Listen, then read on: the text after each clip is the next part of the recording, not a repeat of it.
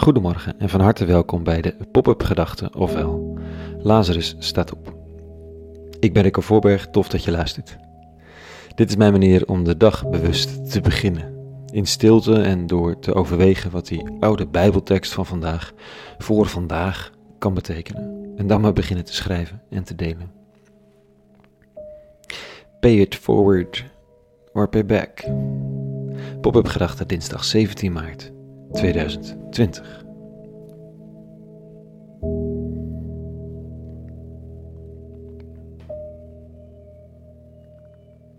We zitten voorlopig thuis. Deze keukentafel hier is aanrecht, werkplek, speelplek, schoolbank en leestafel. Voorlopig alleen voor ons ook. Gasten zullen even moeten wachten. We zijn met z'n vieren, waarvan er steeds minstens twee met snotneuzen. Dankbaar dat we nog met vier zijn ook, want hoe pittig als je opeens alleen thuis bent. Tegelijk wil je soms heel graag weer even alleen zijn. En dat alles valt dan weer totaal in het niets bij de jonge mannen van het Wereldhuis. Ze stonden voor de deur van de plek waar je terecht kunt als je geen keukentafel meer hebt, geen leesplek, geen dak, geen recht op een dak, geen papieren en geen medelijden. Ze vroegen zich af, hoe thuisblijven zonder huis? Hoe hashtag handen wassen als je nergens woont? Social distancing kennen ze al heel lang. Mensen en overheidsinstanties lopen al met een boog om hen heen. In deze tijd van isolatie zijn de geïsoleerden de klos. Zij niet alleen hoor, voel je niet alleen schuldig tegenover hen. Of misschien ook wel. Het kan ook terecht zijn. En er zijn er heel veel de klos.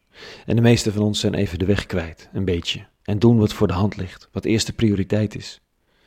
En ik kan niet ophouden te denken aan hen. Elke keer als ik denk aan onszelf. Vrienden, nieuwe wereld. Vandaag lees ik een tekst die iets nogal serieus neemt: het principe van pay it forward. Ik weet niet of er een fijn Nederlands equivalent van is. Zo ja, dan hoor ik het graag. Uh, nu hou ik het even bij pay it forward, want eh, met, met deze vraag: wat heb je gekregen? Zomaar. Als uit genade. Geef dat dan door. Betaal het door, geef het door. Waarom? Anders zet je de genade op het spel. Of beter gezegd, als jouw genade wordt betoond, verleen het dan ook. Anders zet je de eigen genade op het spel. Dat is natuurlijk een, angstspelletje waar we niet zo van houden. Een soort van heb lief, anders zwaait er wat. Maar misschien is hier meer aan de hand. Gaat het meer om een principe, een natuurlijke wetmatigheid en een soort profetische waarschuwing. Zoals je niet ongestraft de aardse voorraden aan kunt spreken, de landen die het in beheer hebben gekregen als hulpbron kunt verwaarlozen en het uit kunt stoten met mensen die het geld ervoor hebben, omdat het uiteindelijk zich tegen je zal keren. Zo geldt het ook met dat wat je genadig ontvangt. In mijn hemel, wat ontvangen we veel genadig. Heb je Rutte gisteren gezien?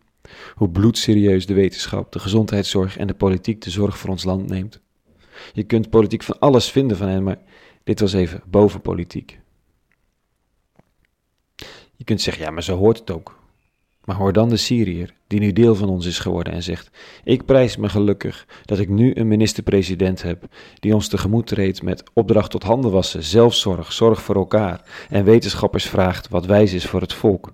De vorige president die ik had checkte zijn eigen geldvoorraden, sloot vriendschappen met onze vijanden en bombardeerde onze ziekenhuizen in plaats van ze te beschermen. Bombardeerde onze scholen in plaats van er kinderen van ouders met noodzakelijke beroepen op te vangen. Dit krijgen we zomaar. Toevallig hier geboren en gebleven. En we krijgen het niet zomaar. Zoals we de aardolie niet zomaar krijgen. Het komt met een gebruiksaanwijzing. En daarop staat pay it forward. Of anders ontstaat er een payback. Dat is een natuurwet. Vandaag lees ik erover. Een knecht van een streng meester, in oude strikt hiërarchische tijden, of in moderne tijden, maar dan wat er gebeurt met vluchtelingen in Libië en op zoveel plekken in de wereld. Een knecht moet een schuld terugbetalen en kan het niet. Hij dreigt verkocht te worden als slaaf. Hij smeekt, soebat en zijn schuld wordt kwijtgescholden. De man is blij, stapt de straat op met een schone lei, ziet iemand lopen die hem een klein bedrag schuldig is, grijpt hij in de kraag om die schuld te innen, want dan is hij van de nul af tenslotte. Grote verontwaardiging als een strenge meester het hoort. En hij zegt: Jij lelijke knecht, heel die schuld heb ik je kwijtgescholden, omdat je mij erom gesmeekt hebt. Had jij dan ook geen medelijden moeten hebben met je mededienaar, zoals ik met jou medelijden heb gehad? En in toorn ontstoken leefde zijn heer hem over aan de beulen, totdat hij zijn hele schuld betaald zou hebben. Zo zal ook, zegt Jezus, mijn hemelse vader met ieder van u handelen, die niet zijn broeder van harte vergiffenis schenkt. Ik vind dit allemaal wat heftig, zo'n hemelse eh, vader. Je zou die tekst toch wat anders schrijven nu. Het blijft klinken als heb lief, anders zwaait er wat. En toch, als wij die zorg en aandacht van onze systemen en overheden krijgen en van elkaar, maar het ons niet lukt om derden daarbij in te sluiten, wat zal dan de toekomst zijn van die zorg voor ons? Ik vraag het maar en ik pijnig mijn hoofd ermee deze dagen, omdat de mogelijkheden met de nieuwe ontwikkelingen ook zoveel kleiner zijn geworden. Laten we elkaar inspireren, niet alleen als huishebbenden, want dat gebeurt al op bijzonder mooie manieren en daar kan nog veel meer bij. Maar ook voor hen zonder huis, zonder keukentafel of ook zelfs maar zeep.